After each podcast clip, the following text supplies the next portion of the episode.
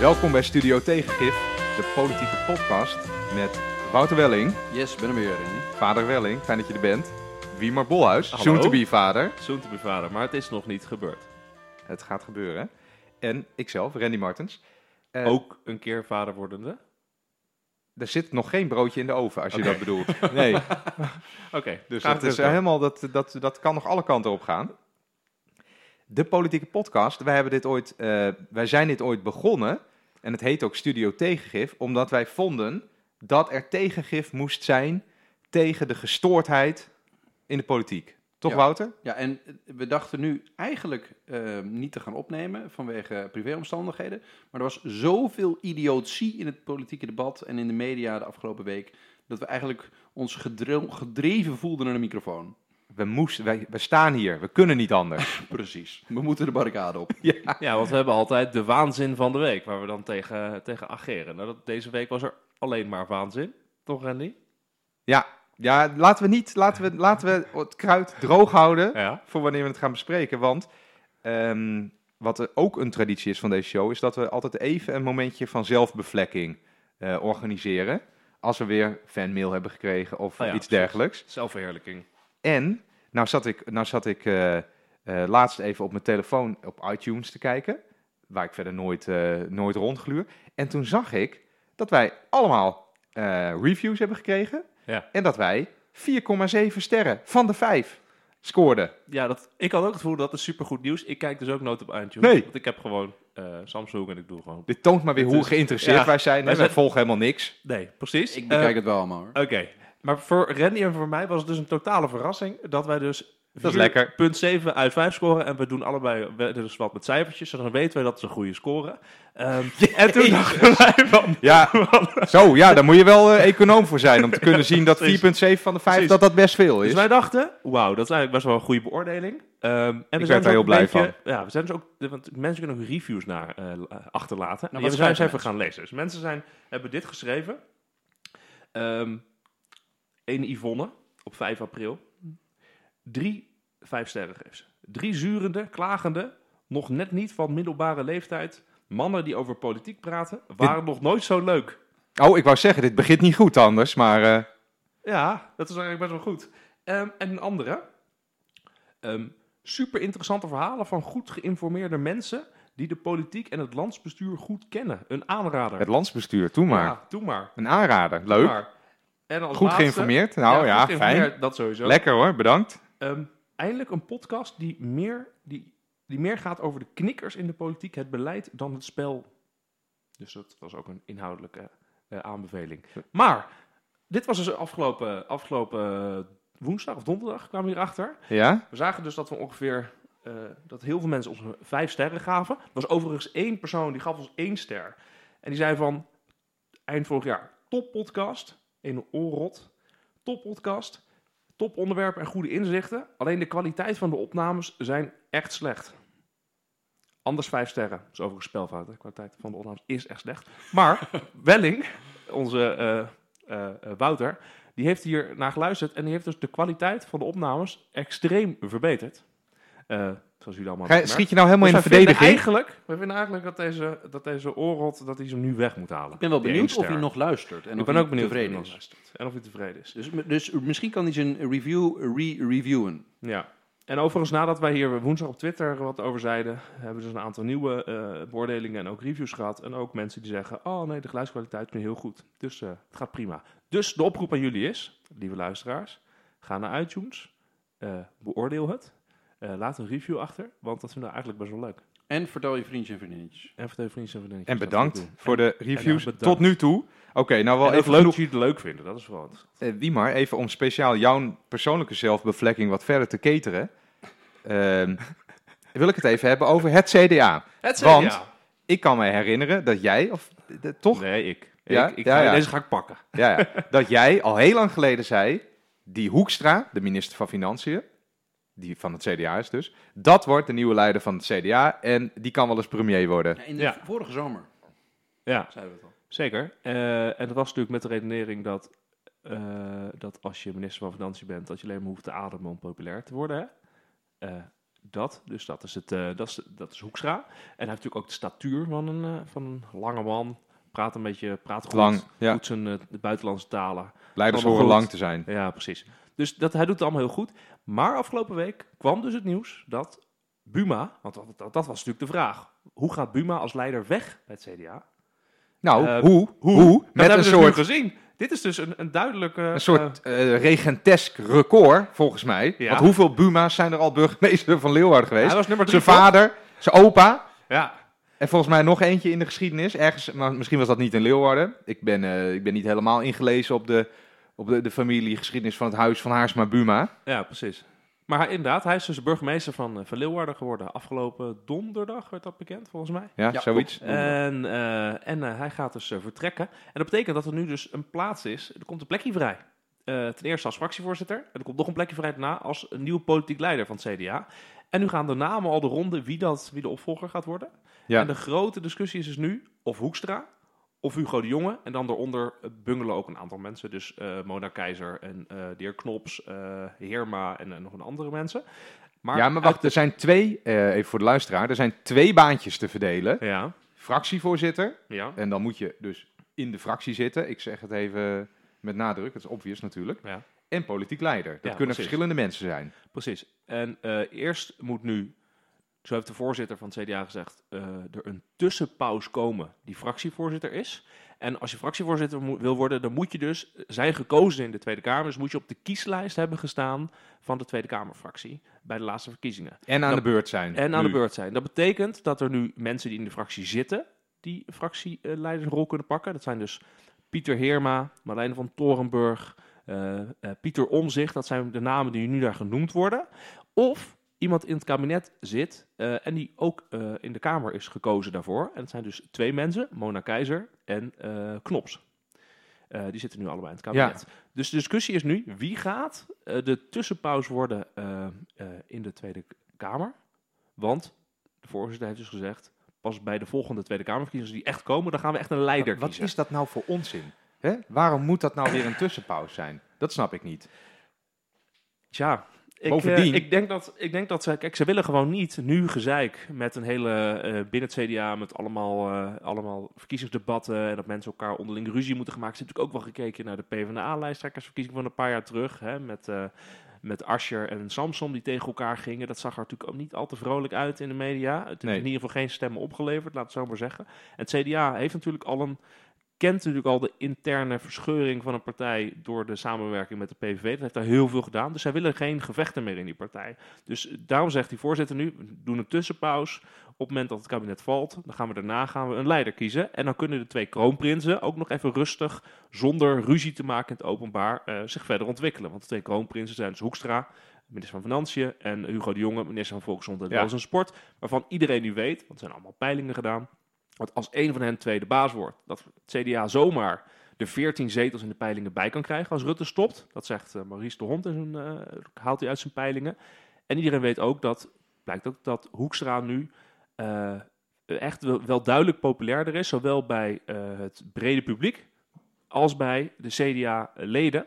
Dus hij ligt duidelijk voor op Hugo de Jonge en dan heel ver daarachter komen Ja. de, komt de rest. Alleen, ehm, ik, ja, kijk, jij framet het nu heel positief. Hè? Ze kunnen zich ontwikkelen. Eh, maar als zij een rivaliteit hebben, dan is die rivaliteit niet weg omdat die verkiezing nu is uitgesteld. Nee. Eh, en als, eh, als een van de twee ziet dat hij iets moet doen om eh, dat hij nu achter ligt, ja, dat kan ook ongelukjes met zich meebrengen. En, wat, en waar ik dan meteen aan denk, is natuurlijk de jeugdzorg. Ja. Hugo de Jonge is verantwoordelijk voor de jeugdzorg en die Ja. heeft een fucked up situatie geërfd van zijn georven, geërfd, gearfd, Georven. georven van, van zijn voorgangers. Namelijk, hè, eh, de jeugdzorg is over de schutting naar de eh, Ja. gemeente getiefd. Doelbewust met te weinig geld. Dat mag Hugo de Jonge nu oplossen. En, eh, eh, en wie moet dat geld gaan regelen? Hoekstra. Hoekstra. En wat doet Hoekstra nu? Het is al een beetje uitgelekt. Hup, te weinig geld geven. Hè? Voor een paar jaartjes, een heel, heel paar eurotjes, een paar centjes.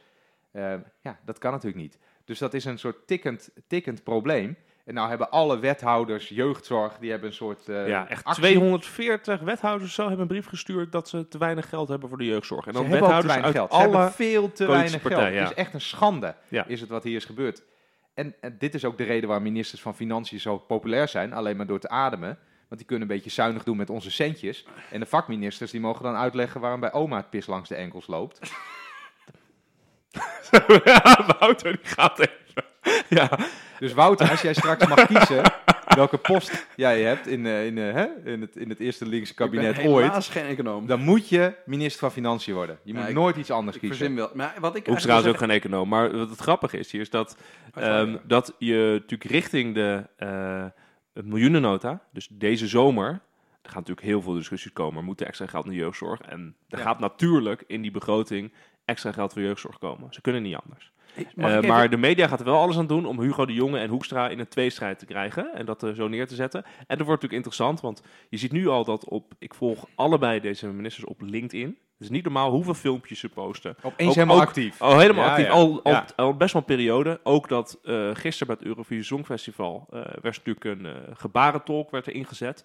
En dan ging Hugo de Jonge eh, daar eh, eh, gebarentolk eh, zelf spelen. Eh, en, van, eh, en dat online zetten, dat het ook kon. Ja, ze zijn allebei bezig. En je, Ja. de komende periode gaan we ook allerlei lezingen zien eh, van allebei de personen die zichzelf gaan uitnodigen op allerlei plekken. Eh, ze willen, ze Ik willen in de media komen. Het is Als- heel als de jongen slim is, gebeuren. Als de jongen slim is, dan laat hij met zijn lezing zien dat hij een slimme vent is. Maar Hoekstra, die kan beter gewoon zijn mond houden totdat hij gekroond wordt. Want minister van Financiën zijn toch wel populair. Ja. Maar het CDA moet oppassen dat als hij dan weer ophoudt minister van Financiën te zijn... en hij moet dan opeens gaan uitleggen wat het hele CDA doet... en niet alleen Ja. hij op het ministerie van Financiën... Ja, dan valt heel veel van die populariteit valt gewoon weer weg, hoor. Ik denk dat, dat we één ding vergeten. Dat is dat volgens mij ehm, de, de gemiddelde CDA-achterban is relatief fatsoenlijk. Dus wat die beide bewindspersonen ook weten, die, eh, de, wij hebben een achterban die gemiddeld gezien oud is en niet houdt van hele ehm, harde eh, politiek. Dus we- de- de- iedereen weet dat als wij onfatsoenlijke dingen doen om onszelf in de picture te spelen, dan tackle ik eigenlijk mezelf. Want dat, Mhm. dat pikt men niet. En wat ik denk is dat, ehm, dat het moment dat Buma weggaat, is misschien niet volledig toevallig een week voor de Europese verkiezingen. Dus dit was ook een manier waarop de eh, media headlines een, een dag of drie puur over het CDA zijn gegaan. Eh, maar het was eigenlijk een hele fatsoenlijke manier om eh, nou ja, het gesprek te laten gaan over de koers van de partij en welke persoon het beste zou passen bij wat een, een CDA voor, voor profiel zou nu willen neerzetten. En ik, ik ben een bruggetje aan het maken naar ons daadwerkelijk onderwerp. Bruggetje, Pont Neuf. Ja, dit is echt een Pont Neuf met slotjes eraan. Eh, Brooklyn Bridge. Ehm, want eh, ik denk dat, dus dat het CDA dus een hele fatsoenlijke manier heeft bedacht om zichzelf in de kijker te spelen en te laten zien dat ze een, een waardige partij zijn om eh, op te stemmen en om jouw idealen eh, om te zetten in, in politieke macht. Maar dat ze eigenlijk daarna volledig over, laten zeggen, ondergesneeuwd zijn door allemaal complete idiotie. Dus ik vind het heel, heel leuk wat bij het CDA gebeurt, maar ik denk dat de komende tijd niet zo heel veel aandacht voor eh, gaat wezen, omdat al die Nee. andere partijen over elkaar Maar- heen duikelen met nog veel debielere dingen. Ja, maar dit Maar moeten ze zijn even- met een langjarenplan bezig. Hij is misschien nog Ja, even ja, van... eh, ik, eh, ik, zeg maar, Buma, Eh. Buma heeft het... Ja, sorry. Buma heeft natuurlijk wel gewoon heel goed gedaan vanuit CDA-optiek. In de zin van, oké, de partij is weer stabiel. Hij heeft twee kroonprinsen in het kabinet gezet. Hij heeft ze in de regering gekregen. Eh, nu eh, ben ik heel benieuwd. Hij heeft natuurlijk een nu mooi baan gekregen. Ik denk dat de nieuwe fractievoorzitter... dat het waarschijnlijk toch Pieter Heerma wordt. Dus een rechterhand was dat bij de onderhandelingen voor het kabinet... die, die- dus de enige die er nog zit met die, die kennis. Zijn vader was ooit een keer voorzitter en ook leider volgens mij van het eh, CDA, van die Heerma. Ja. En die is, toen, eh, die is toen echt op afgestraft. Dus ik denk dat iedereen ook weet dat Heerma zal niet ambiëren, eh, gewoon uit de familiegeschiedenis, om de eerste persoon van het CDA te worden. Dus het is in die zin een veilige keuze. tussen Dus ik denk pauze- dat, dat, ik denk, denk dat Heerma het wordt en dan daarna wordt Ja, Hoekstra oké, ja. geko- gekroond tot eh, leider van het CDA. Altijd gevaarlijk hoor. Tussenpauzen die vinden vaak zelf helemaal niet dat ze tussenpauze zijn. Je Maar moet goed. vooral opletten op Hugo de Jonge, wat die allemaal gaat uithalen om populair te worden. En Mona Keizer. Die gaat nog eh, dingen doen. Want die wil meedoen, hè? Met de, die heeft gezegd, ik, ben de, ik, ik ga meedoen met de verkiezingen. En die moet, ook, eh, die moet aandacht gaan trekken Ja. de komende periode. Wat doet zij ook alweer? Opletten, opletten. Wat doet ze Hugo ook? de Ja. Jonge en Mona die gaan interessante dingen doen. Jongens, mijn brug. Ja, die brug, die brug. We gaan, nu over die, we gaan nu over die brede brug die Wouter voor ons heeft aangelegd. Namelijk, en dan zijn we ook bij de titel van deze aflevering. In de politiek is idiootheid geen handicap. Een beroemde uitspraak van Napoleon. Die momenteel levendig geïllustreerd wordt door de Nederlandse politiek. En want wat is er allemaal gebeurd de afgelopen tijd? Ehm, het filmpje van Brusselmans Ja, van de SP.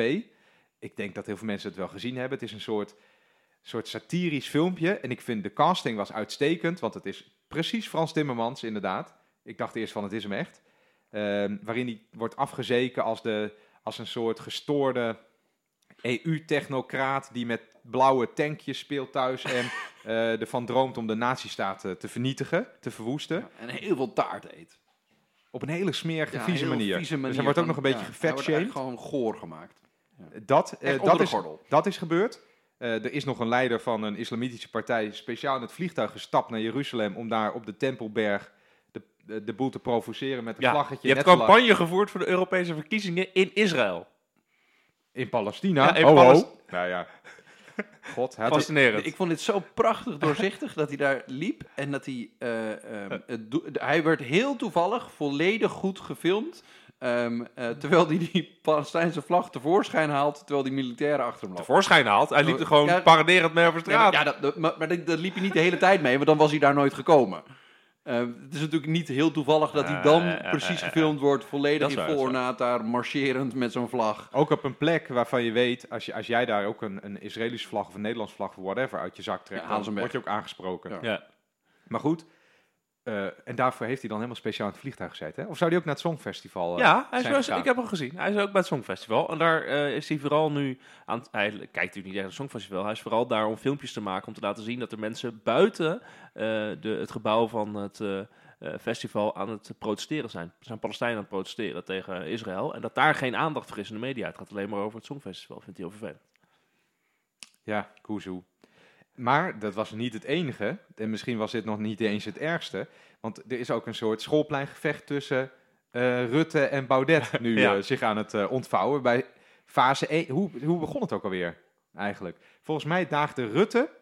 Rutte die zag, hey, die campagne gaat alleen maar over Frans Timmermans. Laat ik even hè, Ja. erin We beuken. gaan niet een tweestrijd met Frans Timmermans voor elkaar krijgen, want daar is Thierry eh, te veel voor in de picture. Dus ik moet, weet je wat, ik, ik ga gewoon een tweestrijd met Thierry aan. Ja, ze liep ook gewoon achter. De VVD liep achter in de peiling op de Forum voor Democratie. Dus de- als je wil zorgen dat je daar voorbij komt, dan moet je, moet je Baudet Ja, aanvallen. en, Ja. Al, en al die eh, peilingen lieten dus zien dat het electoraat van Forum voor Democratie, eigenlijk hun, hun electoraat, eh, electorale emmertje, dat is vol.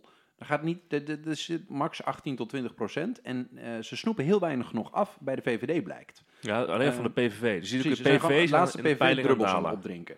Ja. En eh, de VVD, eh, als je een tweestrijd aangaat in de politiek, moet je dat altijd doen met iemand die niet jouw stemmen gaat jatten. Ja. Eh, en het gekke is dat, dat de campagnestrategen van Rutte verzonnen hebben van... hey, ehm, als die Baudet niks van ons afpakt, dan is het prachtig om hem tot onze rivaal te maken. Ja, en dan te, te, te hameren op dat hij eh, een nexit wil, dat hij uit Europa wil, dat verschil, hij eh, onverantwoordelijk is, dat hij gokt met Nederland. En wat Rutte dan probeert is natuurlijk, eh, dat eigenlijk is hij nu ineens de progressieve kandidaat. Hè? Dat is hij nooit geweest, maar is nu de progressieve Ach, kandidaat versus Baudet, de conservatieve kandidaat op de Mag Europese even, parlement. Nog even één ding. Eh, ze zijn allebei geen kandidaten voor de Nee, nee, nee, oké, oké, maar het is hun partij. Dus hij zet de VVD eigenlijk als ze nu als progressieve kandidaat neer. En hij probeert dus stemmen binnen te krijgen van het CDA, van de Partij van de Arbeid, van D66, van waarschijnlijk ChristenUnie. En dat, dat eh, is wel opmerkelijk hoe hij dat, eh, hoe hij dat doet. En ik vond het ook zo grappig dat ze dan... eh, de- dus Rutte die daagde Baudet uit. Ja. Ehm, en Baudet die zei niet gewoon ja, maar die zei... Nee, het moet op Facebook en anders hè, gaat het niet door. En eh, ik heb de, ik heb de rode hoed niet, al en niet afgehuurd. de, de NPO erbij, hè? Niet die publieke omroep, die gekke linkse publieke omroep. Die, die mogen het niet organiseren. En Moet Rutte Facebook. zei, het moet per se op tv. En waar gaat het nou gebeuren? Bij Pauw, bij, bij, publieke omroep. bij, op de publieke omroep. En ik wil nu, GVD, nooit meer wat horen over die linkse publieke omroep... die zoveel aandacht geeft aan links. precies. Want dat is al heel lang Ja. totale onzin. Maar Randy, dan begrijp je het dus niet. De, het gaat er niet om of dat waar is dat de publieke omroep links is. Nee, het moet je gaat erom, blijven dus jij roepen. zegt, ik wil het nooit meer horen, omdat jij vindt, nu zie je wel, het is nu bewezen dat het niet waar is. Het hindert totaal niet of dat klopt of niet, als je het maar gewoon lekker kan blijven roepen. Ja, je hebt, natuurlijk heb je weer gelijk. Dat is somber. Maar wat ik wel interessant vind, dus we- weten jullie... somber. Dat is Ja, somber dat hij altijd gelijk heeft, ja. We- dat is heel weet- weet somber. je- Vind ik ook triest. Trieste dag. Weet, je- Gelukkig maken we het niet vaak mee. weten jullie wie de lijsttrekker van de VVD in het Europees, voor het Europees Als Parlement is? Oh, je weet het wel, oké. En ik wilde even testen. Nou, dan hoor jij bij de 1% Nederlanders die dat weten Ja, hoor. niemand weet wie dat is. Het is ook gewoon corvée natuurlijk. Maar je- de vraag is of die Asmania ook nog een keer wegkomt, hè? Want die Van Balen, die daar de eerst voor de VVD eh, de, de lijsttrekker was in het Europees Parlement, die had natuurlijk het idee dat hij ooit nog een keer terug zou komen voor een leuk baantje in Den Haag, maar die hebben we nooit meer teruggezien. Nee, die was... Die is die- Kamerlid, VVD, Nee, het Europees Parlement. Van Balen heeft ook iets heel terug. knaps gedaan. Die heeft namelijk een soort corruptieschandaal overleefd, wat geen enkele Nederlandse politici, politicus zou kunnen overleven. nou, dat, en wat hij, dan? hij is, Wat is dat voor corruptieschandaal? Ken ik niet. ja, volgens mij, eh, dat moeten we even, moeten we even googlen voordat we dat echt eh, noemen. Ja, Wouter, ja, gaat goed, nou, wat? dat, Wouter gaat dat live doen. Nee, Ja. maar hij stond ergens op de loonlijst, wat, waar hij ook over heeft gestemd. Maar ik wil niet gewoon wat roepen. Dus we doen even een 2 voor 12. Ja, Mijn precies. partner zoekt het even op. eh Maar dus we even de rechts van de gekte, Joosten nu. Ja. de rest van de gekte even doornemen dan? Ja. Ehm, en Baudet eh, heeft een aantal posities in de top zoveel gescoord qua gekte. Want Forum voor Democratie retweette een filmpje van, en jij, jij, jij kent die club, eh, 120 decibel. Ja, er schijnt dus een, eh, een club uit Duitsland te zijn, die dus begin vorig jaar ehm, inderdaad dit filmpje heeft gemaakt met dus Beschrijf vrouwen. het even eh, als je Het wil. is dus een filmpje ehm, eh, waarin eh, steeds een, eh, shots aan elkaar geplakt worden van waarin een vrouw zegt dat ze verkracht is, aangerand, eh, mishandeld, Vermoord. door vermoord door ehm, Asielzoekers. eh, asielzoekers, immigranten. Ja. Eh, en dat eh Thierry Baudet die retweet dat dus met het idee van ja, eh, dit is dus wat, wat er gebeurt als je dus de grenzen openzet. Ehm, en jullie eh, ehm, hebben het geweten. Ja, dus je ziet eerst allemaal vrouwen die zeggen: Ik ben aangerand, ik ben vermoord, ik ben verkracht. Allemaal verschillende vrouwen in verschillende talen Ja. door, door asielzoekers. En dan aan het einde, en dan wordt het ronduit fascistoïde. Ja. Aan het einde komen dan, komen dan foto's van eh, Jesse Klaver en Mark Rutte en eh Rob Jetten. Ja. Met een soort bordje eroverheen: Ich habe es gewoest. Ja, en Dus dat is oftewel, dus... Rob Jetten heeft eh, die vrouwen eigenlijk nog net niet zelf vermoord en verkracht. Maar indirect wel door al die asielzoekers binnen te laten. Ja, precies. En dit is dus aan de ene kant gewoon een heel vies, smerig filmpje, zeg maar. Ja, weer een triest Eh, nieuw Een dieptepunt. nieuw dieptepunt vanuit het Forum voor Democratie. En aan de andere kant is het ook dat ehm, de mensen die dat filmpje hebben gemaakt, die worden vaak neergezet als een, een feministische golf. Dus dat het vrouwen zijn die zichzelf hebben georganiseerd.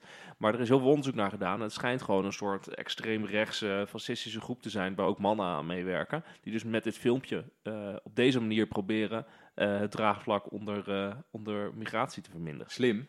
Slim, Slim. want dat doen ze ook altijd met homo's. Eh, het is gewoon puur een stok om mee te slaan, natuurlijk. Ja. Hè?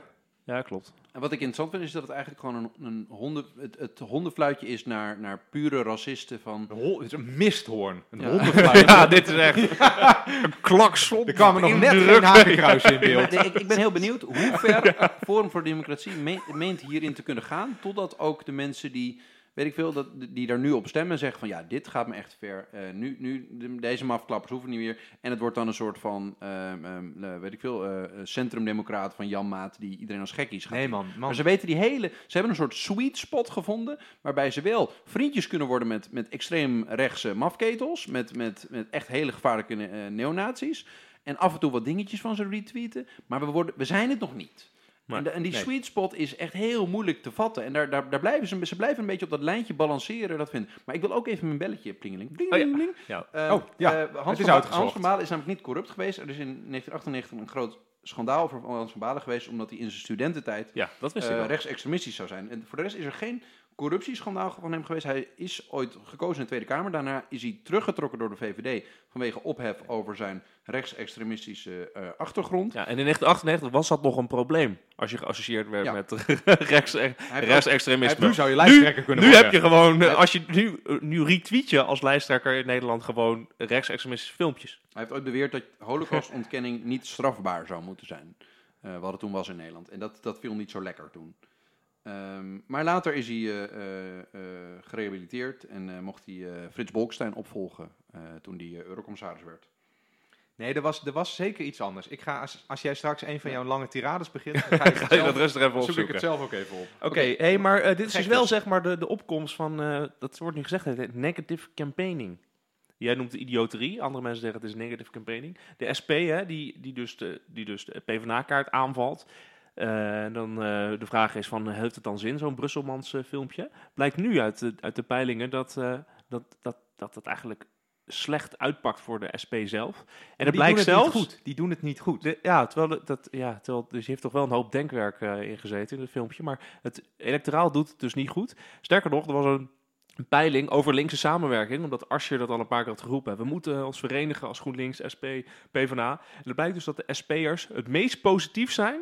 Ja. Van alle stemmers om samen te werken met GroenLinks en de PvdA. Die vinden dat er een blok eh, Dus gevormd moet worden. vraag, bent u een voorstander voor linkse samenwerking? Zijn SP'ers, die dus eh, als enige st- campagnestrategie hebben om vol een andere linkse partij aan te vallen, die zijn het meest Ja, positief. volgens mij 86 procent heb ik mijn hoofd. maar ervoor. kan Ron Meijer, de voorzitter van de SP, kan Ron Meijer lezen, denk je? Nou, maar ik, Ja. ik denk Of dat, nadenken? jongens, ik denk dat het anders zit. Ehm, de SP heeft een tactische move gemaakt dat zij zich richten op de pure anti-EU-vote. En het gedeelte dat mensen dat gepeild wordt in vragen van vindt u linkse samenwerking een goed idee, dat zijn mensen die ehm, trouw of eerder op de SP gestemd hebben of lid zijn van die partij. Ehm, wat ze nu doen is ze hopen op een misstap van de eh, anti-EU-stemmers aan de rechterkant van het spectrum, Ja. de PVV en Forum voor Democratie, die als je kijkt naar hun programma's op economisch gebied vaak een vrij ehm, nou, een so- veel socialer beleid voeren, eh, in ieder geval of voorstaan, omdat ze zich richten op de, de mensen die buiten het systeem, zichzelf buiten het systeem geplaatst voeren. Dus wat doet de SP? Ze hebben enerzijds een, een traditioneel electoraat van mensen die helemaal aan de linkerkant van het spectrum zitten, maar ze richten zich op mensen die ook zich buiten de normale eh, orde van de maatschappij geplaatst voelen en een vijand zoeken in die EU. En die willen, ze, willen, ze zien Ja. dat bij de EU-verkiezingen ehm, de opkomst altijd super laag is. Dus ze richten zich puur op de mensen die normaal niet gaan stemmen. En als ze gaan stemmen, als enige reden gaan stemmen omdat ze boos zijn op de EU. En ze hopen dat Forum en de PVV een misstap maken door zich te racistisch te gedragen. En die mensen willen ze binnenschrapen. Dit eh, klopt, ik denk dat je gelijk hebt. Van de SP is gewoon bezig met een soort rebranding, zeg maar, van Ja, hun politieke image. Maar het interessante is dat eh, dit filmpje werd vooral leuk gevonden door PVV en Forum voor Democratie eh, Ja. kiezers. Die waren er helemaal voor. Dat was het doel. Maar je ziet inderdaad dat, eh, dat eh, de SP is nu ehm, kritischer op open grenzen, migratie aan het worden. Ja. Zijn ze steeds meer standpunten over aan naar buiten aan het brengen. En ze zijn dus tegen Europa en het idee van een superstaat. Dus ze proberen zeg maar, omdat sociaal-economisch zijn ze al eh, hartstikke links. Hun achterban wil ook het alleen maar vooral hebben over inkomensongelijkheid en dergelijke. Mhm. Maar ze gaan dus nu sociaal-cultureel richting de PVV en voor Democratie, omdat ze hopen op termijn der stemmen te gaan eh, pakken. Alleen met hun huidige electoraat ja, is dat een probleem, want die mensen eh, die willen dat nog helemaal niet. Dus Nee, ze, moeten nieuwe stemmen binnen gaan halen. De SP die heeft, die heeft eh, hetzelfde probleem als iedere eh, links-populistische partij die eh, tegen de EU is. Eh, dat het- socialisme is in essentie een internationale beweging. Met so- hè, het gaat over solidariteit tussen alle mensen. Het is heel lastig uit te leggen dat die solidariteit, die het kernbeginsel is van waar jij voor staat, dat die ophoudt bij de grens. Het lukt gewoon niet. Dat kun je niet geloofwaardig doen. En de, ja, en de SP, ze staan in de peilingen volgens mij. Hè. Ze, Heel je houdt dat altijd in de gaten. Ja. Het zou kunnen dat de SP nul zetels haalt bij de Ja. Europese verkiezingen. Dat zou, dat Dat, is wel, zou dit is wel triest even, zijn. dan noem je wel even Ja, wat. Want eh, hun lijsttrekker, eh, ik heb geen idee wie dat is, overigens. nee, Arnoud nog wat. ik weet niet meer wie het. Geen Sorry, flauw benul verder wie dat is, waar die vandaan komt. Ja, die kan daar, of die komt er alleen in, of die komt er überhaupt niet in. Ja, Ja. En, maar het grappige is, en het trieste, eh, dat toen de SP met dit filmpje kwam, twee, twee weken geleden of zo, hè, voelt weer heel lang geleden, toen zeiden mensen, wat is dit erg, een triest dieptepunt van negative campaigning in Ja, Nederland. Ja, ja, en. Toen, zeiden de, toen zeiden ze bij Denk en eh, Forum voor Democratie, zeiden ze, hold my beer, eh, of hold my kopje thee. Ja. Wij kunnen nog veel dieper. En toen, toen is Koes meteen met het vliegtuig naar Jeruzalem eh, gestapt. Het is wel trouwens opmerkelijk dat, ehm, dat zeg maar als, als bij linkse partijen een fitty is, zoals nu dus, hè, dan zegt iedereen, jeetje, linkse partijen liggen we overhoop met elkaar. Dat kan toch niet? Terwijl op dit moment de grootste fitty in Nederlandse politiek is tussen twee rechtse partijen, namelijk VVD en Forum voor Democratie. Ja. Nou, Maar toch zien mensen dat niet als, als, inderdaad als één ding. En sterker nog, ik vind het, ja, het is wel fascinerend dat, dat is het heel bericht logisch. nu is hè, van eh, linkse partijen die eh, hebben we ruzie en twee rechtse partijen debatteren en dan kan je op stemmen en die krijgen een podium bij, eh, is bij Pauw. Wat, wat het is, is dat linkse Oh. progressieve mensen Hij heeft gelijk, denk ik. dragen... Zoek ik nu even op hoe het zit met Hans van Balen. Je krijgt alle tijd, Wouter. Leg uit. De SP-lijsttrekker is trouwens Arnoud Hoekstra.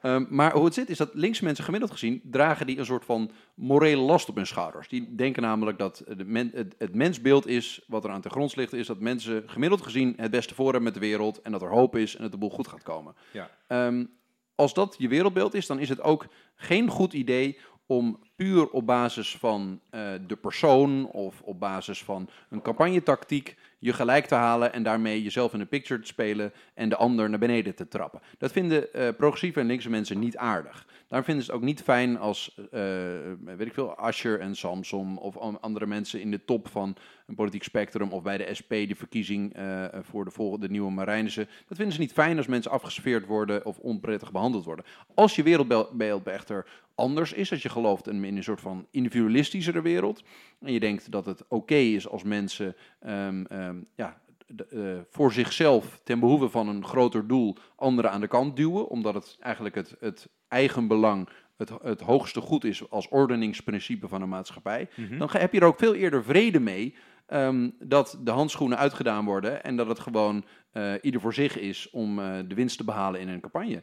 Eh, ik, ik vermoed echt dat het, het wereldbeeld van de gemiddelde kiezer erachter zit dat op links een personenstrijd of een puur onder de gordel eh, strijd niet werkt. En dat op rechts het prima is, want we geloven toch dat gewoon degene die het hardste slaat wint. Nou ja, dat is precies wat je nu ziet. Want dat gevecht tussen Forum voor Democratie en de VVD, dat schijnt nu, als je naar de laatste peiling van vandaag net kijkt, het is nu zondag en dit is van de hond, schijnt de Forum voor Democratie VVD weer een zeteltje erbij te krijgen. Maar je ziet dus dat de PvdA is nog wel aan het stijgen. Maar eh, SP is echt fors aan het zakken. Staat nu op gemiddeld, staat nu op 8 gepelde zetels. PvdA staat op 15. CDA trouwens ook op 15. En GroenLinks staat ook op 15. Er zit een soort middengroep is daar eh, aan te staan. Maar ook GroenLinks is nu aan het terugzakken. Overigens heeft Klaver gezegd dat hij het een heel slecht filmpje vond van de SP. En dat hij vindt dat linkse partijen moeten samenwerken. Die Ehm, staan ja. echt helemaal aan de zijlijn. Hè? Ja, GroenLinks doet er even niet, bijna niet mee met Ja. deze verkiezingen. Terwijl we toch vast. Bas Eickhout hebben als spitsenkandidaat voor de Groenen. En volgens mij wil Randy nu graag eh, wat inbrengen. Ding, ding, ding, ding. VVD, Europarlementariër Hans van Balen is betaald adviseur, toen was hij dus nog Europarlementariër, hè, is betaald adviseur van de auto-industrie in ons land. Van Balen staat op de loonlijst van Mercedes-Benz Nederland. Ehm, de prominente VVD-politicus is daarnaast al enige jaren adviseur van de autolobbyclub RAI. Daar ontvangt hij 12.000 euro eh, per jaar voor, voor die twee functies. Hij doet dit naast zijn inkomen als, eh, naast zijn inkomen als parlementariër, dus wat ook echt 15.000 euro per maand is of zo. Dus ik denk al, waar maak je jezelf druk over? En als Europarlementariër is hij actief bezig in het Europese parlement om het beleid in Brussel gunstig te beïnvloeden voor de auto-industrie.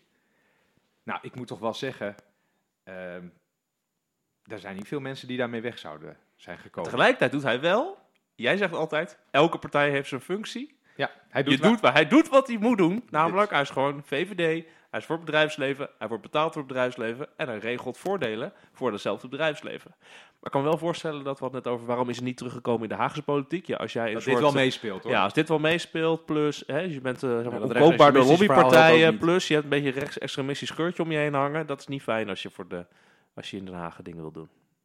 nee, Ik, ik, ik wilde geen eigenlijk- burgemeestersmateriaal. Nee, daar die word, je geen burgemeester van Den Haag mee. Nee. Ehm, nee, wat ik eigenlijk wil zeggen is dat ehm, al deze de gektes. ehm, eh, ik was heel ent- enthousiast toen we begonnen met deze podcast, maar ik merk toch dat ik er een beetje, klein beetje somber van word. Ehm, omdat het, dat het Dat is dat, dat is dat wereld, die druk van de wereld op jouw schouders. Ja, dat is irritant hè, bij progressieve mensen. Als je gewoon lekker eh, gelooft dat iedereen toch gewoon voor zichzelf is, dan kan je het vrij snel loslaten en denken, oh, allemaal de rambam. Ik, ik zit hier gewoon een soort van, als verslaggever zeg maar, dus ik heb er nergens last van. Nee? Ik ook Ik zit gewoon Nee. een spel te bespreken, vind ik jij, leuk. krijgt, jij krijgt binnenkort een kindje, joh. Ja. Dat is een mooie, eh, dat wordt prachtig, wat er is.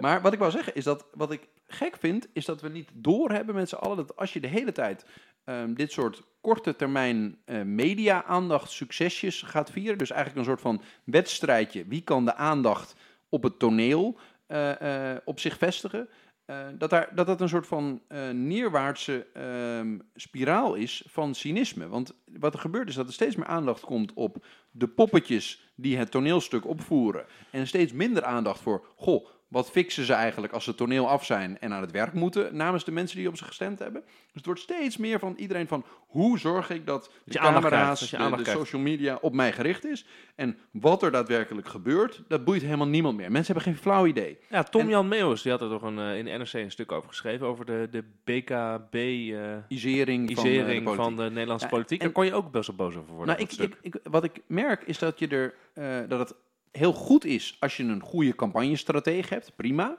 Maar wat je ziet is dat de manier waarop mensen aandacht op zich vestigen en een campagne ingaan, dat is bijna de core business geworden van politieke partijen. Dus dat je ook nog mensen hebt die verzint wat eigenlijk het maatschappelijke probleem is waarvoor je daar bent. En een gestructureerd eh, plan verzinnen om eh, dat aan te pakken, dat maatschappelijk probleem. Dat is echt ongeveer eh, het, het tiende vraagstuk op de agenda geworden bij Ja, de maar partijen. die mensen zijn allemaal wegbezuinigd bij politieke partijen. Ja. Ik weet niet of je wel eens op een wetenschappelijk bureau van een politieke partij bent geweest, maar het is Ja, vaak, heel vaak. Ja. het is vaak eh, op een afgelegen locatie eh, hebben ze nog een directeur en eh, nog één iemand die de telefoon opneemt. En that's it. Eh, terwijl eh, de, de mensen die zich bezighouden met hoe kunnen we, hoe kunnen we vandaag eh, even goedkoop scoren. Dat Zal zijn- ik het hebben? Er is deze week eh, één eh, politicus geweest die op basis van inhoud, en totaal onaangepast en tegen zijn eigen partijlijn in, hij had erover nagedacht, gewoon in de krant zei, ik ben tegen eh, een bepaald voorstel wat mijn partij jaren geleden heeft gesteund. En die heeft het gewoon daar gezegd. Dus dat zou eigenlijk eh, goed zijn in de ogen van dat het Wouter. een uh, Ik denk, hebben we het niet over gehad. Over de heer eh, Usdeel van. GroenLinks. Die eh, zei van sociaal leenstelsel ze moet eigenlijk gewoon eh, de prullenbak in. Want we hebben dat nu een paar jaar. En GroenLinks heeft er wel mee ingestemd. Maar ehm, ik heb er zo goed over nagedacht. Ik heb alle rapporten gelezen. Ik ben in het buitenland geweest. Ik heb met mensen gesproken. Tja, ik zie gewoon dat het niet goed uitpakt. En die eh, zegt gewoon, nee, we zijn er weer tegen. Trek mijn handen ervan af. En Klaver volgt hem nu daarin. Die eh, heeft gezegd, ja, als het niet eh, goed werkt, dan moeten we eerlijk zijn en moeten we moed tonen en zeggen, we veranderen van standpunt. Wat vinden we daar dan van? Ik, ik, vond, ik vond het inhoudelijk vond ik dat heel goed. Ik denk dat hij een goed punt heeft. Ehm, ik twijfel een beetje, omdat dat, dat je merkt dat je zo, eh, laten we zeggen, een soort van campagneradar hebt ontwikkeld. Dat je denkt dat alles wat in de week gebeurt voordat er verkiezingen zijn, dat gebeurt niet toevallig dan. Dus dan denk je, wanneer je dit hoort dat in de media komt, denk je direct van, ja, het is niet toevallig dat ze nu opeens tegen een kabinetsplan ingaan en daar Wacht een beetje... En aan de andere kant zijn er ook Stop. mensen die Stop. zeiden, campagne, technisch is dit heel slecht voor GroenLinks. Want GroenLinks is ineens aan het draaien, terwijl een eigen partijleider dit eh, drie jaar geleden nog steunde. Dus, eh, Ja, de- misschien heb je gelijk, ja. Jij nee, toch dus- zo'n dus- Was het niet de, de vader Welling, die hier vorige keer zat en die toen zo'n soort drieslag had, dat alles wat er in de politiek gebeurt, ja. dat is, Incompetentie, chaos en toeval. ja, dat, dat gevoel had. Dat gevoel kreeg ik wel. Ja, ik denk dat je ook wel, eh, hier ja. zou je wel eens gelijk in kunnen hebben. Maar het- het- kijk, de, de mate van waarin eh, incompetentie, chaos en toeval een rol spelen, die neemt af naarmate een verkiezingsdatum nadert. Ik denk dat je daar een prachtige grafiek van kan maken. Dus hoe minder incompetentie, chaos en toeval in het spel is, dat, is, dat, dat, dat daalt eh, met, met de dag wanneer verkiezingen op komst zijn. Dan is het steeds meer planning, strategie en prachtige uitvoering. Maar GroenLinks trouwens, als we dat toch even over GroenLinks hebben, ehm, die zakken ook op een Ja, dat heb je al een tijdje niet gehoord. Ik las, eh, vandaag las ik een stukje dat eh, Klaver heeft net zijn derde kindje gekregen. Daarom zegt hij, is hier even een maand niet eh, op beeld geweest. Hé, maar jo- jongens, Dus dat, was, dat is, wordt nu gezegd, dat is de reden waarom GroenLinks even buiten beeld is Ja, sowieso is het. dat is En nu door Usdeel wel weer even, niet heel ontoevallig, gericht op, een, op de studentenpopulatie, waar ze Ja. veel stemmen halen. En ik denk dat het voor GroenLinks, de- de- er gebeurde immers iets, namelijk bij de stemwijzer van ProDemos moeten partijen hun standpunten aanleveren op 60 stellingen. En eh, iedereen heeft dat gezien in het nieuws. Eh, GroenLinks en de Partij van de Arbeid die hadden op alle Ja. 60 stellingen exact hetzelfde antwoord aangeleverd. Waardoor de, de, de, de uitgifte van die kieswijzer die was Had vertraagd, want Ja. eh, anders kon je geen onderscheid maken tussen die partijen. Ja, dat is slecht voor GroenLinks. Want dat was toch de, dat was toch de frisse, nieuwe linkse politiek. En nou blijkt het gewoon de Partij van de Arbeid in een soort groene vermomming te zijn. Ja, jij zei dat GroenLinks over het hoogtepunt heen is. Ja, dat voor, denk ik wel. de, voor deze podcast, voor de opname. Wat, wat, waarom denk je dat? Nou ja, gewoon eh, als ik gewoon kijk naar peilingen, naar peilingen, palingen hè, natuurlijk. Maar dan zie ik dat GroenLinks, die, die, die, eh, die, die zakt een beetje, ergens rond de 15. En die wordt gewoon ingehaald door eh, de, de, de doodverklaarde Partij van de Arbeid. Ja, en wat heeft GroenLinks nou eigenlijk dan, denk ik? Want als je echt, ehm, als je echt voor het milieu gaat en het klimaat, dan ga je naar de Partij voor de Dieren. En als je gaat naar een partij die iets kan bereiken op links, dan ga je naar de Partij van de Arbeid. Dus ik zie niet zoveel redenen om GroenLinks te stemmen, eigenlijk. Ik, ik was eigenlijk wel heel kiezer. enthousiast toen dat uitkwam, dat ze toevallig precies hetzelfde vonden. Want volgens mij heb ik... Hup, eh, fuseren. Ja, jij wil eh, eh, fuseren, hè? Ik heb ik dat een jaar, een jaar of zes geleden al een uitgebreid Ja. stuk geschreven over waarom linkse samenwerking een prachtig idee is, maar dat het nooit gaat werken vanwege die kortstondige electorale problemen. Dus de partij die het kleinst is, vindt lin- linkse samenwerking een goed idee. De partij die het grootst is, zal het nooit doen, omdat ze zichzelf in de kijker willen spelen en nooit met een zwakkere broeder willen Ja, samengaan. De wet van Max van Wezel werd dat genoemd, hè? Ja. Twee weken terug. Het is heel somber, dat maar Max ik, van Wezel zei van, eh heeft ook een keer gezegd dat het toen net begon, dat echt dus in de jaren 60 of zo, of 70, wanneer is hij ooit een keer begonnen? Met, eh, 1930 heb ik gehoord. Ja. Het is echt van, linkse samenwerking komt constant weer op de agenda. Eh, en het gaat nooit gebeuren. En het heeft altijd dezelfde reden, namelijk de partij, nou, wat jij zegt Wouter, de partij die hoog in de peilingen staat, die wil het niet. De partij die laag in de peilingen staat, die wil het wel. Dus het is niet in ieders belang om, eh, om samen maar, te maar werken. dat is dus... maar jij zou dus voor zijn, GroenLinks en PvdA samen. Zoals eh, Samson ook voorstelde Nou, en Plasterk ik denk dat ze er zelf voor zijn, want op 60 stellingen geven we precies hetzelfde antwoord. Dus ik denk niet dat ik iets heel raars vind Mhm. eh, als ik zeg... Want, volgens mij, politiek gaat er in essentie over... wat is het probleem in de maatschappij? Als alle problemen zijn opgelost, kan je allemaal naar huis gaan, kan je thee gaan drinken. Maar er zijn schijnbaar problemen, daarom hebben we een programma gemaakt... En eh, dat programma streven we na en we gaan herrie maken in de media, zodat mensen horen wat ons programma is op het probleem dat wij gedefinieerd hebben. En in mijn ogen zijn er twee grote pro- problemen. Dat zijn sociale ongelijkheid en een transitie naar een duurzame samenleving. En de vraag is, wat vind je het belangrijkste probleem? Ik heb Eh, die zitten kijken. Hij is heel consequent hoor. Wouter, wat zegt je hij elke keer? Jij bent verbazingwekkend consequent. Het is alsof Ja, je een bandje afspeelt. Ja, Ja, iedere dit- keer hetzelfde Ik, ook. ik, ik, maar het is meer de verbazing die ik heb dat Ja. nog niet heel Nederland dit ook vindt. Ja, jij, dat vind ik bent ook echt- raar, ja. jij, jij zou een goede extremist zijn. Want bij jou zie ik inderdaad de oprechte, oprechte verbazing en wanhoop. Waarom vindt niet iedereen wat ik vind? Nou, maar het- het- daar, nee, ik, ben, ik vind dit oprecht en ik vind het heel leuk om daarover te praten. En wat ik gek vind, is dat ehm, we zien dus een soort van media neerwaartse cirkel richting gewoon wie het hardste gek kan doen en wie de grootste idioot kan zijn in het publiek, eh, publieke debat. Die krijgt de aandacht. Ja, maar ik geloof ja. dus dat daardoor een soort van cynische spiraal ontstaat, waardoor kiezers denken, nadat ze die high hebben gehad van, zie je wel, die heeft heel goed op een piano gelegen. En die heeft heel goed raar gedaan en met zijn boeken Ja. naar het binnenhof gewandeld. Dat ze daarna denken van, oh shit, ik heb die lui gestemd. Ze gaan eigenlijk helemaal geen flikker van mij doen. Dus dat probleem dat ik zie hebben in mijn leven, dat zijn die lui helemaal niet aan het oplossen. Dus, en dan, daarna komt er dan weer een drang voor de volgende generatie politici om nog maffer te doen. Om weer in de aandacht te komen. En op een gegeven moment eindig je dus met Silvio Berlusconi. Dat is Ik wilde net die vraag stellen. In de, je kan niet ontkennen dat de Nederlandse politiek qua niveau en waardigheid in een zware neerwaartse spiraal is beland. Ja, precies. Maar jij zegt dat eindigt dus op niveautje Silvio Berlusconi. Ja, op een gegeven moment eindig je met een, iemand die het raarst kan doen en het publieke debat het best kan bespelen en domineren.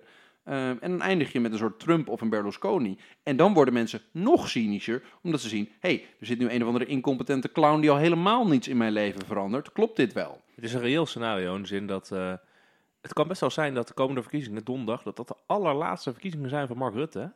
Zo, dat, ja? dat kan. Hij, dat hij stopt. Ik denk als hij nog een keer, als uh, volgende nog een keer de grootste wordt, dan is, die, dan is het echt eh, klaar. Eh, maar het kan natuurlijk sowieso aanwezig dat het de laatste zijn. Ehm, Omdat, en hij, dan, eh, omdat hij een baantje in Europa krijgt? Nee, of gewoon omdat dat hij, hij- eh, omdat er- gedumpt wordt hij- zijn eigen partij? dat hij de- denkt dat eh, de VVD denkt van het is nu tijd voor Dijkhoff, we hebben een nieuw gezicht nodig. Hmm. Maar dan is de kans behoorlijk groot dat de VVD dus inklapt. Ehm, en wie is dan de grootste in de peilingen? Forum voor Democratie. Nou, als er één per- persoon is in de Nederlandse politiek wie, die enigszins op eh, Berlusconi lijkt, is dat Thierry Baudet. Ja, hij heeft alleen nog niet zoveel kranten en mediastations, maar dat, dat moet alleen nog maar toegevoegd worden. Dan moet misschien Wier, Duk en Jensen moeten even wat, eh, wat kranten kopen en een, een, een televisiezender eh, beginnen en geen stijl moet herstart worden. Dan ben je klaar. Nou, business class doet al goed en best, hè? daar mag hij altijd komen. Van eh, Harry Mens. Dus de, Ja. maar je, kan, je kan ook best een soort hoop hebben als je denkt van op een gegeven moment zijn mensen klaar met mensen die een soort van, eh, laten we zeggen, eh, X-factor van politiek willen maken en iemand die het beste, het raarste dansje eh, voor een verkiezingscampagne kan doen. En op een gegeven moment gaan ze denken van, goh, wat is er nou echt aan de hand? Ja, maar Ehm, weet wie je heeft wat het beste plan? Weet je wat het punt is? Niveau, dat haal je niet zomaar even ergens vandaan. Dat moet echt opgebouwd worden en onderhouden worden. Ehm, en de laatste tien verkiezingen, weet ik veel, ehm, zijn het toch steeds de partijen die, die het beste deze freakshow opvoeren, die het het beste doen. Dus ik weet, niet, ik weet niet waar je het opeens vandaan moet halen als je weer een terugkeer wil doen naar, naar, hè, politiek met wat weer meer niveau. Ja, ik probeer maar. Nou, ik, ik geloof eh, wel in een soort van pendule. Die, eh, ik, ik word heel enthousiast van, van eh, ehm, progressieve politici die eh, dit heel hard benoemen. De, de, de Alexander Ocasio-Cortez en Bernie Sanders. En daar gelaten van wat of hun programma realistisch of niet is. Eh, dat zijn mensen die een heel duidelijke boodschap hebben. En de- vooral een, een sociaal-economisch of een, een duurzaam eh, verhaal hebben. En dat heel eloquent en heel consequent blijven herhalen tegenover die opportunistische clowns die daar zitten om te roepen wat het bedrijf dat hen betaalt ze influistert. En ik geloof dus dat misschien de boel nog iets cynischer moet worden voordat je ook in de eh, serieuze West-Europese landen eh, dit soort ja, echt hele competente mensen hebben die opstaan en zeggen, nou dan ga ik het wel doen en ik ga telkens op de trom blijven hameren om die opportunistische clowns eh, weg te drijven. Ja, daarom denk ik dus. Kijk, want we hebben nu. We hebben natuurlijk nu een, nieuwe generatie politici in Nederland. In de zin van nieuwe lijstaanvoerders. Hè? Dus ehm Jette bij D66, Klaver bij GroenLinks, Dijkhoff nu bij de VVD. Zeg maar. Zijn jonge mensen. Maar het zijn, eh Thierry Baudet natuurlijk bij Fonds maar zijn we allemaal de politici van kunstjes. Hè? Dus zeg maar aandacht scoren, Ja. trucjes, Inhoudelijk eh, gewoon een proefballonnetjes. Ehm, en de vraag is even of er politici om hen heen zitten die daar bovenuit kunnen stijgen. Want ik denk uiteindelijk dat mensen wel een premier willen die, die niet alleen met kunstjes Ja. bezig is. Daarom denk ik dus dat, ehm, dat nou, nou, ik ga het herhalen, Hoekstra en ook Asscher, dat die een goede kans maken om eh, als premierkandidaat te zien. Want ze zijn van een andere generatie. Ze hebben ook een andere manier van politiek bedrijven. Ja, met iets meer Dus klasse. bedoel Iets je? meer, iets meer klassisch meer statuur. En eh, ik denk dat Hoekstra er nu in die zin voor ligt, omdat hij zeg maar, rechtstreeks uit het kabinet komt, minister van Financiën is eh, geweest. Dus die, jij zegt kwaliteit moet je opbouwen. Ja, dat is gewoon iets wat hij door zijn positie nu vanzelf doet. En dat Ja. Hugo de Jonge ook.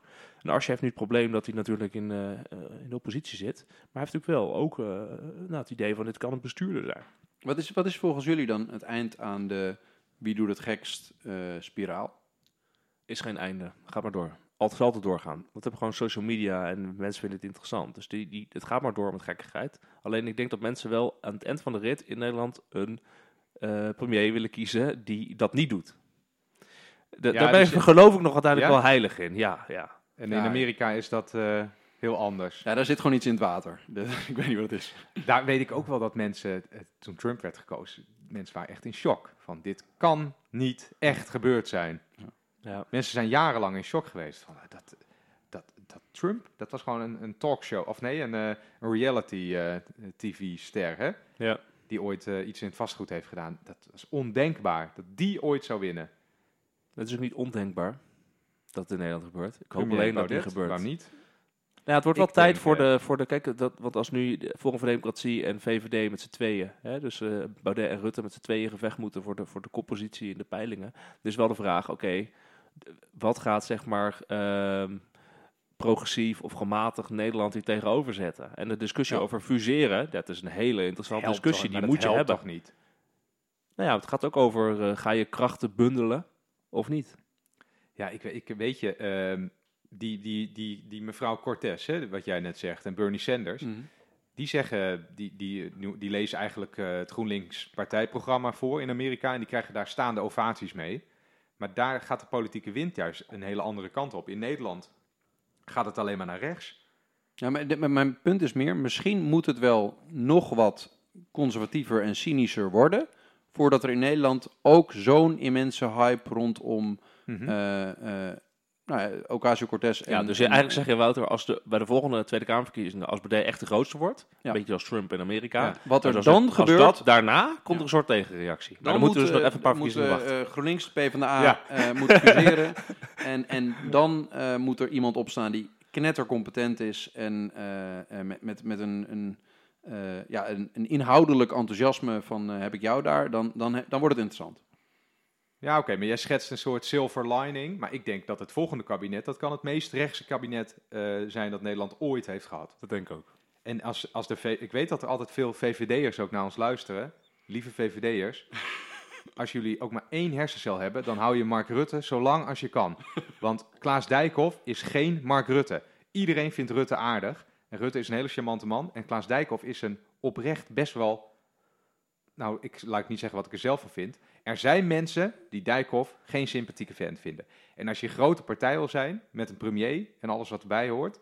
dan moet je toch, dan moet je toch een ander type hebben. Ik zie dat niet... eh, Nee, ik denk, dat, eh, ik denk gebeuren. dat de wissel eh Dijkhoff-Rutte, dat dat echt, eh, dat gaat echt zo, het wordt- dat min wordt- 10 zetels in de Ad peiling. Melkert, keer 10. Ja. Of eh, hoe heet hij? eh, Ilko Brinkman. Zo'n scenario wordt dat. Ja, en tegelijkertijd Rutte nog een keer door laten gaan. Ik snap de spagaat wel.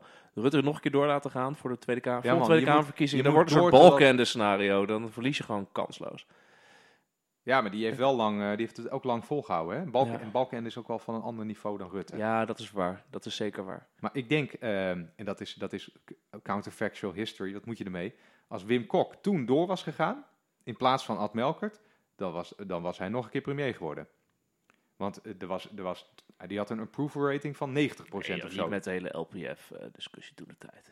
Ja, ik denk het wel. Ik denk het wel. Ad Melkert, het wa- ja goed, laten we het niet over Er schiet mij een Iraans spreekwoord te binnen. Dat is, Wat? Het, Iraans spreekwoord is... Ik heb dat ook heel vaak trouwens. Ja, jij, hebt, jij hebt Franse spreekwoorden Nee. van Napoleon die je dan volgens het Engels gaat voorlezen. Wat ook het vreemd spreekwoord is. is, als je tante een snor had, dan was het je oom. En dat, eh, dat zeggen ze daar als, als mensen beginnen over als dan, dan had misschien... Dan, nee, ja, dat boeit niet. We kunnen het wel over hebben, maar Ja. ja, het hindert niet. Hoe lang zijn we al bezig? We zijn al 50 minuten bezig. Volgens mij zijn Man, we er lekker. ongeveer. Nog Ja. een uur. Gaat goed. Gaat, Ja. eh, ik vind het echt een leuk gesprek. Mag Ja. ik dat even zeggen? Ja, ik vind ook... Overigens ja. had ik al gezegd dat... Maar je hebt, eh, ik vind dat- jouw dat optimisme... dus- dat, Dat is we dus die, we hebben mij. die, die, die 4,7 ster die we hadden voor in iTunes, die is dus wel door, eh, die is dus naar, we hebben nu gewoon 5 sterren uit 5. Wat je hebt Gegaan. net jezelf even gerankt. Of eh, wat, nee, eh, hebben we niet gedaan, maar ik, eh, ik, een Filipijnse eh, ik zat dus opnieuw eh. te kijken en dan hebben dus mensen echt de afgelopen dagen gewoon de 5 sterren weer bijgezet, waar ons gemiddelde naar 5 is gegaan. Nou, Vijf gaan, we- vijf. gaan we al naar BNR? BNR, ja, dan moeten we eens even gaan bellen dan of we daar iets kunnen doen. Het zit ook wel lekker in deze zolderkamer, toch? Waar komt dit, Ja, eh, waar komt dit vandaan? Weet ik niet. Ja, weet niet. Positivisme, hè? hebben we meteen denk ik, Ja, enthousiasme, we gaan leuke we dingen gaan doen. We gaan het doen. Ik vind het trouwens, om, ik, ik, toch, laten we toch nog even Even. Ja. terug naar de inhoud. Oh jee. Ik vind het, dat is helemaal geen inhoud trouwens, ik les Ja. volledig uit de nek. Wat, wat is het grappig om te zien hoe jullie totaal tegenovergesteld reageren op al die gestoordheid in de politiek. Want Wouter, jij gaat er echt onder gebukt. en jij, jij leeft helemaal op, Genieten, Wiemar. genieten. Ja, Ik vind het mooi. Dat vind ik echt heel mooi. Misschien ook moeten we ooit samen gaan werken of zo. Dan ben jij een soort happiness eh, factor. En dan, een soort yin en yang. ja. Maar laten we het nog even hebben over partijen die hier niet aan meedoen. Aan die, aan, hè, aan die, clown, aan die clownshow. Heb, van, heb- eh, maar ik, wil, ik weet wel een leuke. De ChristenUnie. Vind ik een hele sympathieke partij. Die doen dit ook. niet. Die doen dit gewoon Nee, die nooit. doen het gewoon niet. Niet- dat zijn nooit intens nette hebben, die mensen. hebben ongeveer, laten we zeggen, eh, eh, 150.000 mensen. Die stemmen op ze, punt. En er komt af en toe een beetje meer bij, een beetje meer eraf. Wel meer, toch? Hoeveel, je moet 80.000 stemmen voor een zetel hebben. Ja, dat is waar. Ze hebben nu zes zetels. Dus Ja. de, de- de laatste keer heb ik het heel goed gedaan. Maar ik denk dat, dat dat komt doordat er een groep mensen is die denkt... Ja, jongens, hou nou eens op, man, met al die Ja. gekkigheid. Met een beetje hart van Nederland politiek. Ik doe er niet aan mee. Ik stem de Gewoon ChristenUnie. een beetje niveau, een beetje betrouwbaarheid, een beetje consistentie. Met Ja. de Bijbel in dit geval. Ja, ik denk eh, dat ook CDA doet hier toch ook niet echt helemaal mee. Partij van de Arbeid niet, GroenLinks niet. Dat dat, dat eh, Ja, weet je waarom ik dus optimistisch ben?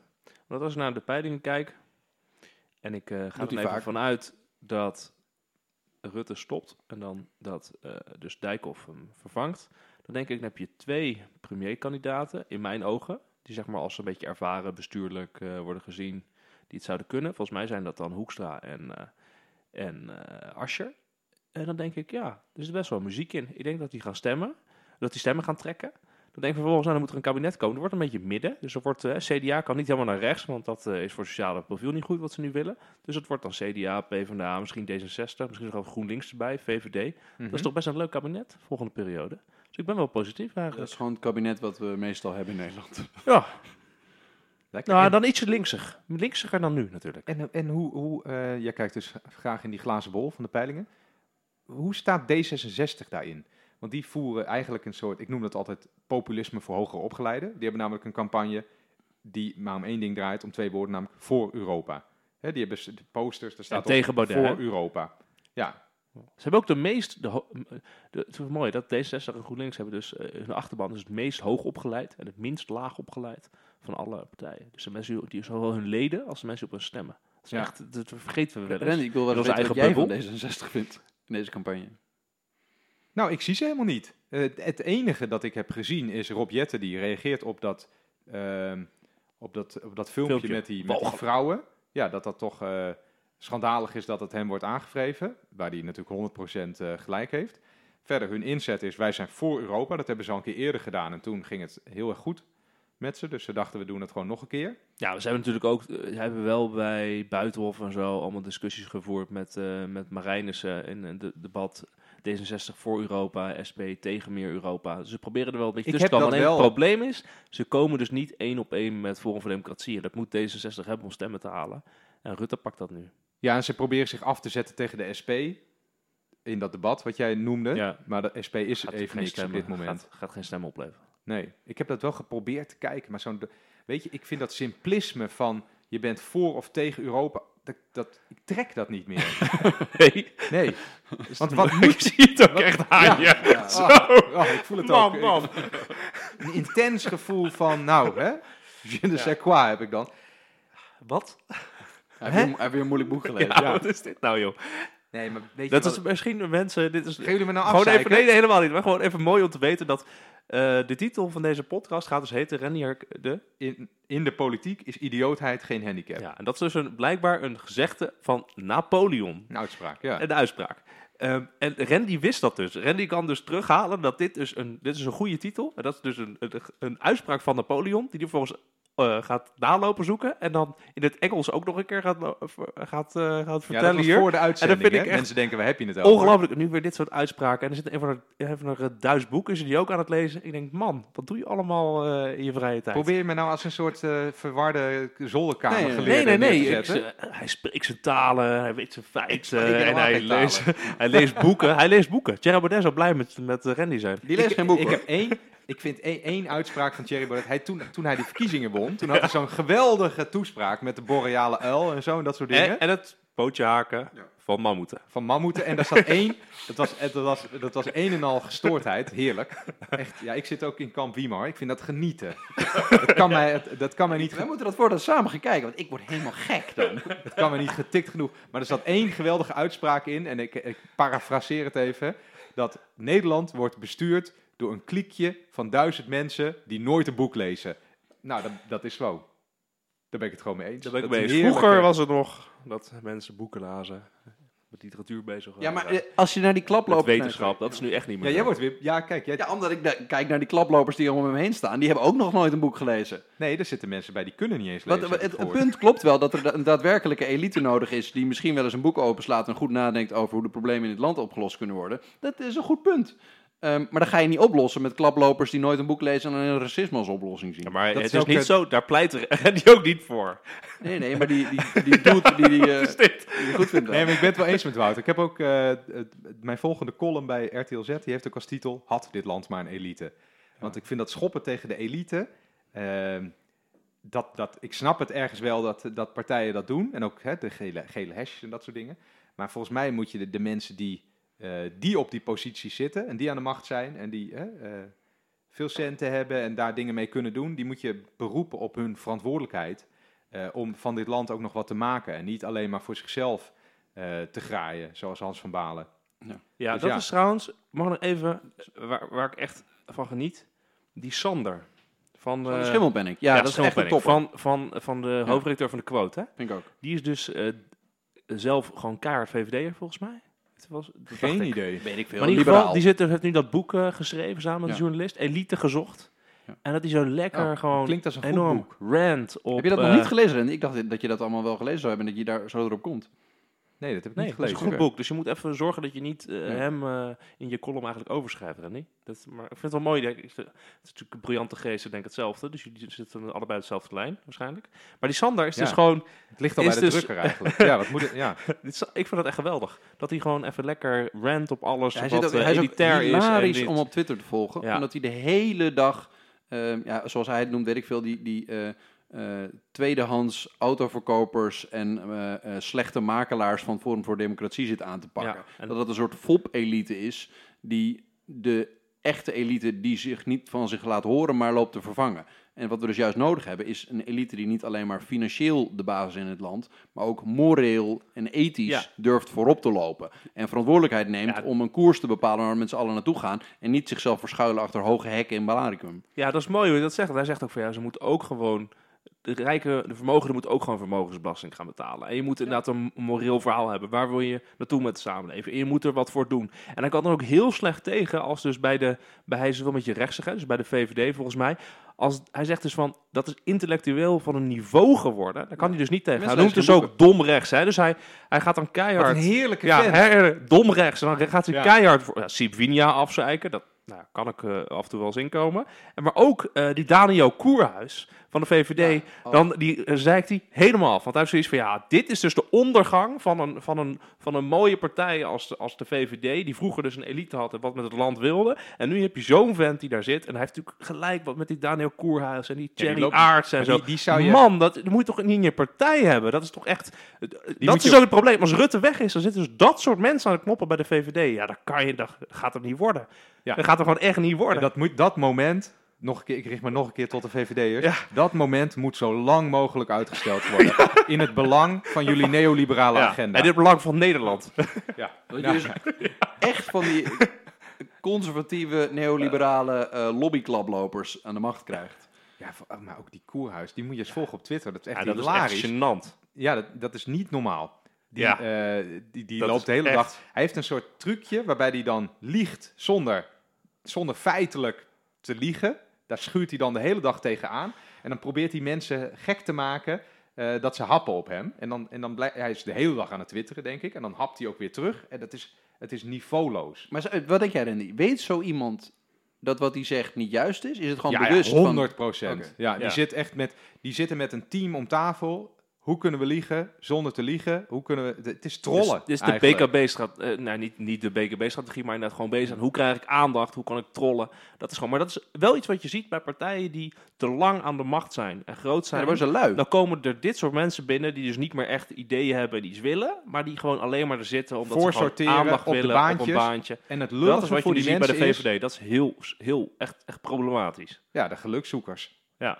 Waar de VVD altijd tegen is Maar, eh, Ja. Oh, ik Ja. zie een mooi, mooi vrolijk einde. Dat eigenlijk is het dus heel democratisch. Dat als een partij te lang aan de macht is, dan worden de echt goede mensen, die komen daar niet meer eh, doorheen. Omdat, ja, het gaat, we zijn toch wel aan de macht, het gaat lekker. Ja. Ehm, en dan komen de, de opportunistische gelukzoekers, die eh, met simpele boodschappen proberen in, zich in de kijker te spelen, die komen naar boven drijven. En dan stort de boel in elkaar. Want mensen hebben dat uiteindelijk wel door. Ja, want je, je raakt inhoudelijk helemaal uitgehold. Want alles draait om die figuur van de premier in Nederland. Ja. Dat zag je bij het CDA, daarom dat zie je zag je nu bij ook de Partij van de Arbeid. Daarom zie je dat nu Dijkhoff natuurlijk ook met dat discussiestuk aan de gang is. Om te proberen van hoe gaan we Beetje eh, inhoud redden. inhoud weer geven aan de VVD. Want we, ja, Ja, maar weet je, je kan wel even één keer een stukje schrijven, maar dat... dat nee, maar eh, ik denk dus ook dat dat er het probleem is. meer voor nodig. Als je nu denkt, de VVD, wie zijn dat? Dan denken mensen dus, als Rutte weg is, denken mensen dus aan Dijkhoff, aan Koerhuis, aan die aardsen. Eh 9% van de mensen nee, eh, van Nederlands kent die lui niet. Hoor. Die kennen Rutte en Dijkhoff. Punt. Dijkhoff, ja. Precies, maar dat, die denken dus aan, aan mensen die dus met proefballonnetjes bezig zijn, aandacht aan het trekken zijn. Het klopt niet, tenminste. Nou ja, ik, eh, klaar. We zijn er, jongens. We zijn er. Eh, hiervoor, hiervoor loop ik dus van leeg. Ja, ik zag het ook een beetje Ja, vastlopen bij jou. Poeh, ik kan er zo slecht tegen. Van dat positieve dat soort... Wij zijn echt communicerende vaten, want nu ben ik heel vrolijk en dan zijn jullie Ja, een ik kan er eh, heel slecht Oké, Ehm, dank oké. jullie wel. Eh, ja, wat wil je nog zeggen? Nou, jij gaat er ook zeggen dat mensen dus nu nog even moeten raten, hè? Oh ja, rate ons en als je feedback hebt, eh, zeg het. En eh, alle boeken die we genoemd hebben zul je vinden in de show notes. En eh, twitter naar ons als je suggesties hebt. Dat wou ik net zeggen. Goeie suggestie, Wouter. Oké. Bedankt voor het luisteren. Tot over twee weken. Met? René Cuperus. Ja. Ja, René Cuperus. Wie kent hem nog? Ik? Ik hij heeft van de Volkskrant. Ja? ook heeft een briljante column in de Volkskrant. Over de, midden, over de alles Het radicale midden. En eh, dat, alle- Ja. daar gaan we het volgende keer over hebben. Radicale midden. Hij schrijft over alles wat, waar ik, wat ik zelf ook super vind. Het populisme, technocratie. We hebben de held van. Randy. De, de inhoudelijke eh, gedachtevader van Randy. Ja. Misschien wel. Oké, Dankjewel. ciao.